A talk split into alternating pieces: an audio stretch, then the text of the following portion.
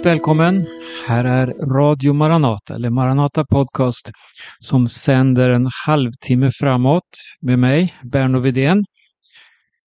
Jag har en del funderingar som jag vill dela här i det här programmet. Och det utgår egentligen från en notis som jag läste. Det var NATOs ordförande Stoltenberg som uttalade det här enligt SVT. Mer vapen till Ukraina och militär närvaro längs NATOs gränser. Så var rubriken. Ja, hela världen ser med bävan på det krig som utspelar sig i Ukraina. Raseri, terror, ett urskillningslöst dödande som under mer än ett år har varit vardagsmat och för landets invånare som har fått se sina hus och städer sönderbombade. Hundratusentals människoliv har redan offrats i det här vansinnet. Aldrig tidigare har den militära upprustningen i land efter land fått eskalera så okritiskt som idag. Mer vapen, mer beredskap och så vidare. Och det, det satsas nog oerhört på upprustning. Och det här citatet ovan Eh, som jag läste nyss, mer vapen till Ukraina och militär närvaro längs NATOs gränser. Det uttrycker NATOs lösning för att förhindra ett storkrig i Europa. Upprustningsraseriet, det bygger på rädsla av att inte kunna försvara sig då mot fienden mer vapen så att vi kan visa oss vara tillräckligt starka och avskräckande mot angrepp. Samtidigt så inbringar svensk eh, vapenexport stora pengar och det bidrar till vår ökade välfärd. Man brukar tala om att den enes bröd är den andres död. Och eh, det stämmer verkligen in på vår internationella vapenhandel. Sverige räknas vara den trettonde största vapenexportören i världen med försäljning även till flera krigförande länder. Bara under 2021 så exporterades vapen till ett värde av 20 miljarder kronor. Och om man ska se då på helheten så motsvarade cirka 2% av den totala vapenexporten, som det som har redovisats. Mer vapen för en säkrare värld. För mig låter det vansinnigt, men det är så budskapet basuneras ut. Samtidigt drivs miljontals människor på flykt som ett resultat av krigen. Hat och maktbegär råder och varje år dör fler än 100 000 under ett år gamla barn orsakat av väpnade konflikter. Det är så vansinnigt. Idag ser det ut som att det inte finns någon makt i världen som rår på att stoppa den här våldsspiralen. Den som fick sig en eh, riktig skjuts i och med att kriget i Ukraina startade för drygt ett år sedan. Vilka makter ligger bakom?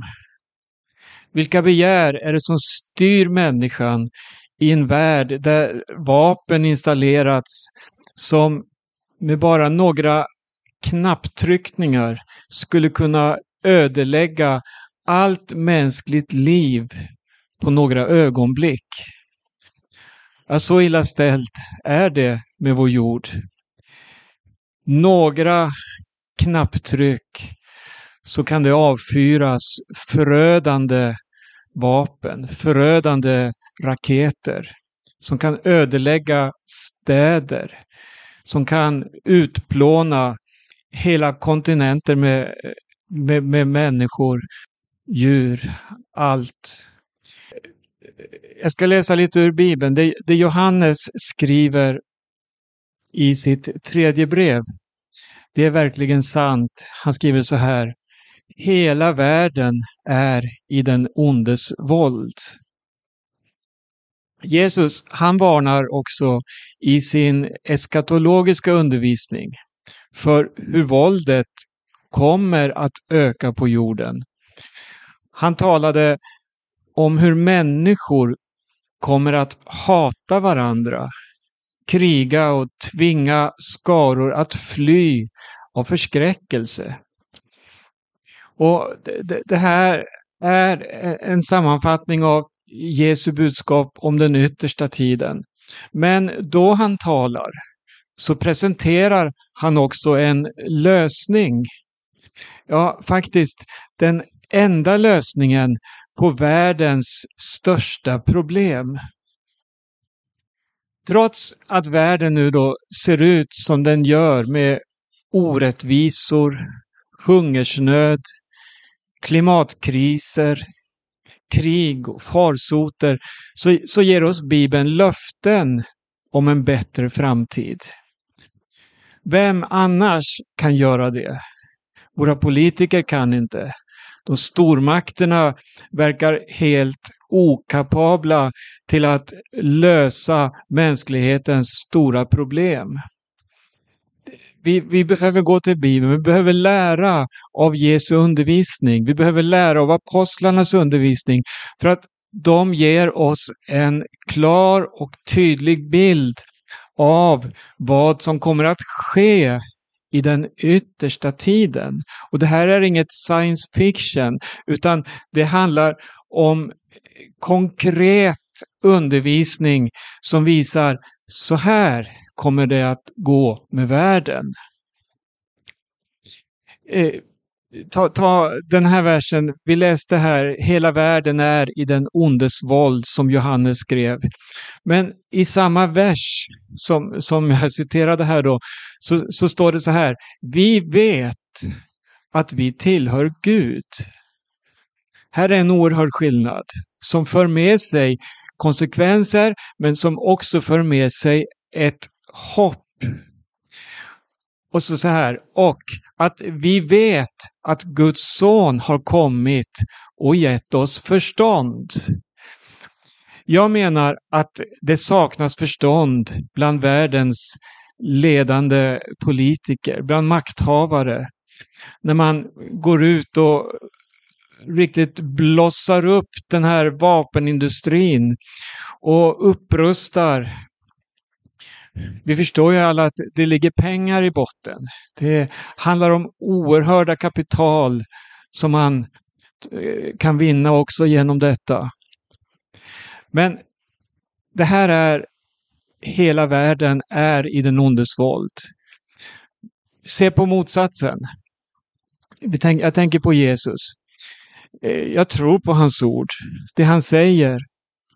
Eh, så här, säger Jesus i Johannes 16, vers 33. I världen får ni lida, men var vid gott mod. Jag har övervunnit världen. Då ser vi här en lösning, alltså någon som påstår sig ha övervunnit all den ondska som vi ser representeras exempelvis genom krig och terror. På vilket sätt, med vilka vapen, vilken makt är det som här talar? Vad är lösningen på världens gigantiska och ständigt återkommande problem? Världens stormakter svarar så här, mer vapen, mer kontroll över internationell handel, mer embargon, och så vidare. Att vara störst och starkast är viktigt så att man med hot om våld kan bibehålla sina positioner. Men Bibelns väg, den är väldigt annorlunda.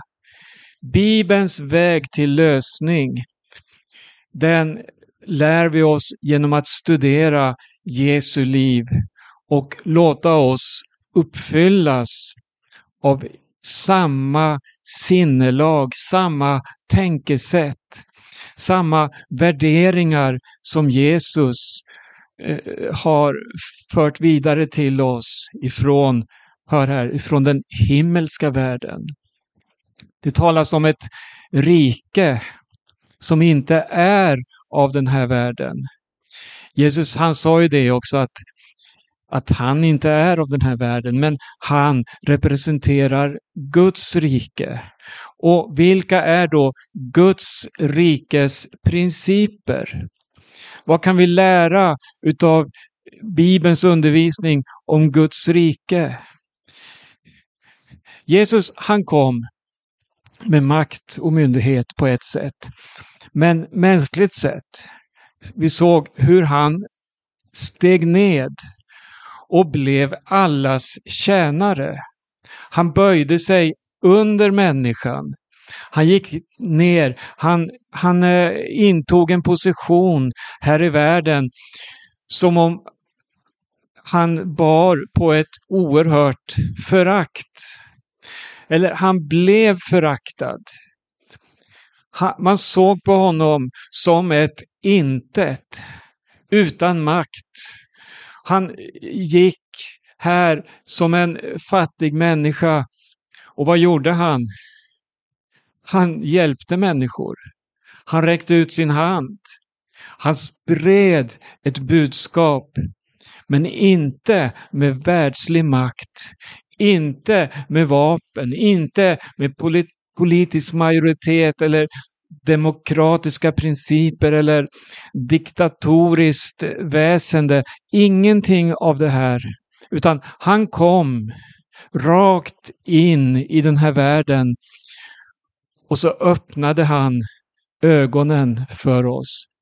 Han gav oss en inblick i en helt ny värld och här har vi väldigt mycket att lära.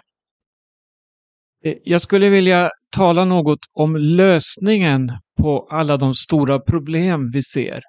Men innan dess, låt oss se något på Jesu undervisning i Matteus femte kapitel. Här har vi något som är känt som saligprisningar.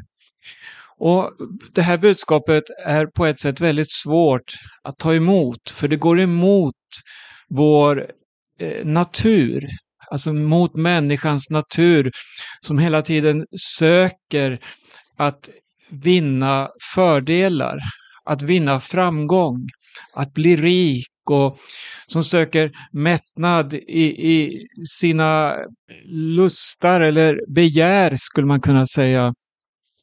När Jesus talar här så, så, så säger han saliga är det som är fattiga i anden.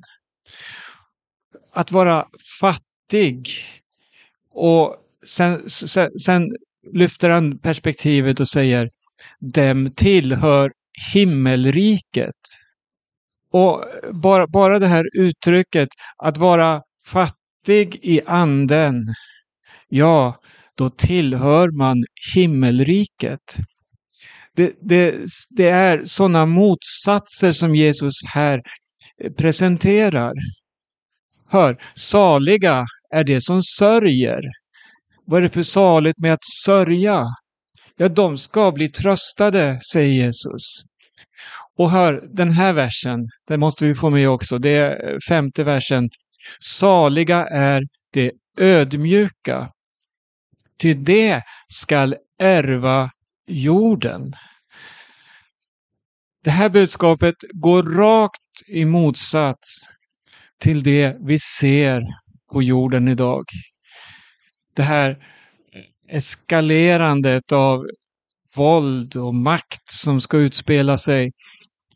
Och allt det här vi har talat om, om vapenarsenaler som, som ska användas då för att tvinga andra att böja sig. att kuva andra så att säga. Nej, här står det om en annan väg. Och, och det här är något av det som är församlingens väg här i tiden. Församlingen är dyrt köpt utav Jesus. Han betalade med sitt eget liv för att ge oss ett nytt liv och en ny tillhörighet. Vi hör nämligen till Guds rike. Vi läste tidigare, hela världen är i den ondes våld. Men var vi gott mod. Jag har övervunnit världen, sa Jesus. Jag ska stanna lite till här i Matteus 5.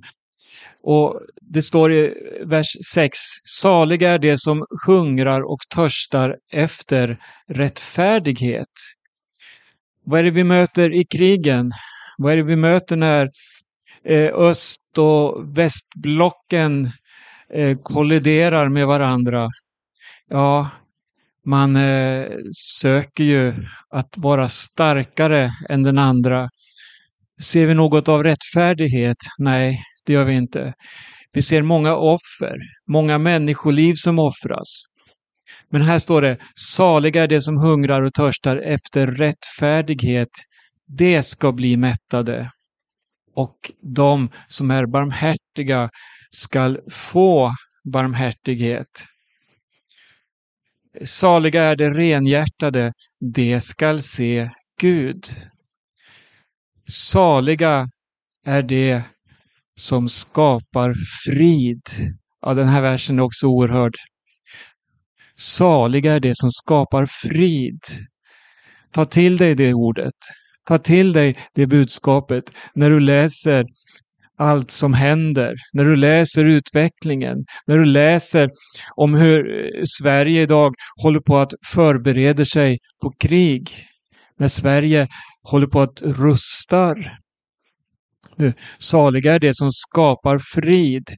Nato skapar frid, tror man, genom upprustning, genom skärpt bevakning vid gränsen. Men här talas det om en annan frid. De som skapar frid skall kallas Guds barn. Eh, jag ska gå ett steg vidare. Du kanske funderar på hur kan det här vara lösningen då på den utveckling vi ser idag? Vi ser ett förfärligt krig rasa. Och det är inte bara Ukraina-kriget utan vi ser hoten sprider sig runt om världen och tonläget höjs. Och man kan fråga sig vart kommer allt att sluta någonstans? Bibeln har svaret. Bibeln är verkligen en bok som vägleder oss i dessa dagar. Ett budskap som inte har den plats det borde ha bland kristenheten, det är det som handlar om att Jesus ska komma tillbaka. På vilket sätt är det då lösningen, tänker du? Ja, Bibeln säger att han skall komma igen.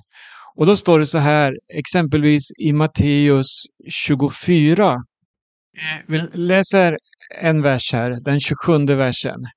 Ty liksom blixten går ut från öster och syns ända bort i väster, så skall Människosonens ankomst vara. Det här säger oss något om att Jesus ska komma på ett sätt som gör att hela mänskligheten kommer att uppmärksamma det, kommer att se det. Han kommer att komma med makt och myndighet kan vi läsa om. Och då Jesus kommer tillbaka eh, till den här jorden, ja då står det också om honom att han kommer att regera med frid och med rättfärdighet. Det står så här i Andra Thessalonikerbrevet 2. Här skriver Paulus om eh, ett avfall och det är något som vi verkligen kan, kan se i tiden. Avfallet från Guds väg, från rättfärdigheten, från Eh, de värderingar som Bibeln har gett oss som ett skydd, något att leva efter. I, först, förlåt, i andra Thessalonikerbrevet 2 så talas det här om ett avfall och laglöshetens människa, fördärvets son, hur han öppet ska träda fram. Motståndaren som förhäver sig över allt som kallas Gud eller heligt. Eh, för det första, allt som kallas Gud eller heligt, det ifrågasätts i samhället idag. Det är ett kompakt motstånd mot det som bär den kristna prägen. Och, men här står det då om en, en speciell människa, laglöshetens människa, som öppet ska träda fram. Och i vers 7 står det så här, redan är ju laglöshetens hemlighet verksam. Han som nu håller tillbaka måste endast först röjas ur vägen. Sedan skall den laglöse öppet träda fram. Men honom kommer Herren Jesus att döda med sin muns anda och förgöra när han visar sig vid sin ankomst. Här ser vi alltså, hur, hur ondskan verkligen vill manifestera sig ännu mer genom att den laglöse träder fram. Men Jesus ska komma tillbaka. Och med sin muns anda kommer han att döda honom och förgöra honom. Eh, den laglöses ankomst är ett verk av Satan och sker med stor kraft, med lögnens alla tecken och under och med all slags orättfärdighet som bedrar dem som går förlorade, eftersom de inte tog emot sanningen och älskade den så att de kunde bli frälsta. Ja, det här skrivs då till församlingen i Thessalonika och det var en församling som verkligen väntade på Jesu tillkommelse. Vi kan läsa flera budskap i de här två breven till församlingen, hur Paulus fokuserar kring tillkommelsen och vad den har för betydelse. Och här har vi en del av det hela. Jesus ska komma med makt verkligen och göra slut på ondskan i ett nu. Och när jag läser då den här texten, tänker på honom som ska komma, men här är församlingen idag. Här är vi idag i denna värld full av ondska. Och det kommer krav som säger till oss att vi måste delta på olika sätt i de här krigen. Men hela mitt inre protesterar. Det är inte Guds väg. Nej, hellre vill jag bära lidandet då. Bibeln lär mig att vi ska föra fram fridens budskap. Bibeln säger vi ska älska våra fiender. Och så ger den oss också en väldig förmåga att kunna se igenom de här stora blocken och se det finns människor överallt. Det finns människor som Jesus har kommit och lidit döden för i alla olika läger. Och en dag kommer det här att bli uppenbart för varenda människa. Vi ser idag kampen om världsherravälde. Vi ser idag striderna som för med sig så stora offer, så mycket lidande.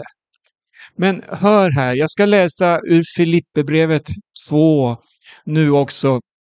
Så att vi, vi ska få se Guds väg och vi ska få se framtiden som ligger hos honom. Så här står det i Filipperbrevet 2, vers 6. Fastän han var till i Guds gestalt räknade han inte tillvaron som Gud som segerbyte utan utgav sig själv genom att anta en tjänares gestalt då han blev människa. Han som till det yttre var som en människa ödmjukade sig och blev lydig ända till döden, döden på korset. Därför har också Gud upphöjt honom över allting och gett honom namnet över alla namn, för att i Jesu namn alla knän ska böja sig, i himlen och på jorden och under jorden och alla tungor bekänna Gud Fadern till ära, att Jesus Kristus är Herren. Kan du se det här scenariot framför dig? När du blickar ut över världen idag, den här gudsförnekande världen. En dag, det står att alla knän ska böja sig. Vad är det för makt som talar här? Lär känna evangelium. Lär känna Jesus och vilken oerhörd dragningskraft det finns i hans namn. Det var den som fick Paulus, han som har skrivit det här brevet, det var den som fick honom att vända om. Han som var en svår förföljare av församlingen. Han som fängslade Herrens vittnen och orsakade så mycket lidande. Han fick möta Jesus och det förvandlade hans liv. Inför denna Jesus står det att alla knän på jorden, i himlen och under jorden ska böja sig. Och alla tungor ska bekänna Gud Fadern till ära att Jesus Kristus är Herren. Vilket oerhört budskap. Vilken framtidsvision. Herren har vunnit seger. Och hur vann han seger över all ondska? Jo, genom att ge sitt liv. Genom denna yttersta svaghet. Han gick in i döden. Och så därigenom, genom hans offer, så öppnades en ny väg. Och det är den som gör det möjligt för varje människa på den här jorden att kunna äga ett hopp. Herren Jesus kommer snart tillbaka. Vi ska få möta honom. Bibelns sista bok inleds på det här sättet med en oerhörd proklamation om Jesu tillkommelse. Se, han kommer med molnen och varje öga ska se honom. Även det som har genomborrat honom och alla jordens stammar skall jämra sig över honom. Ja, amen.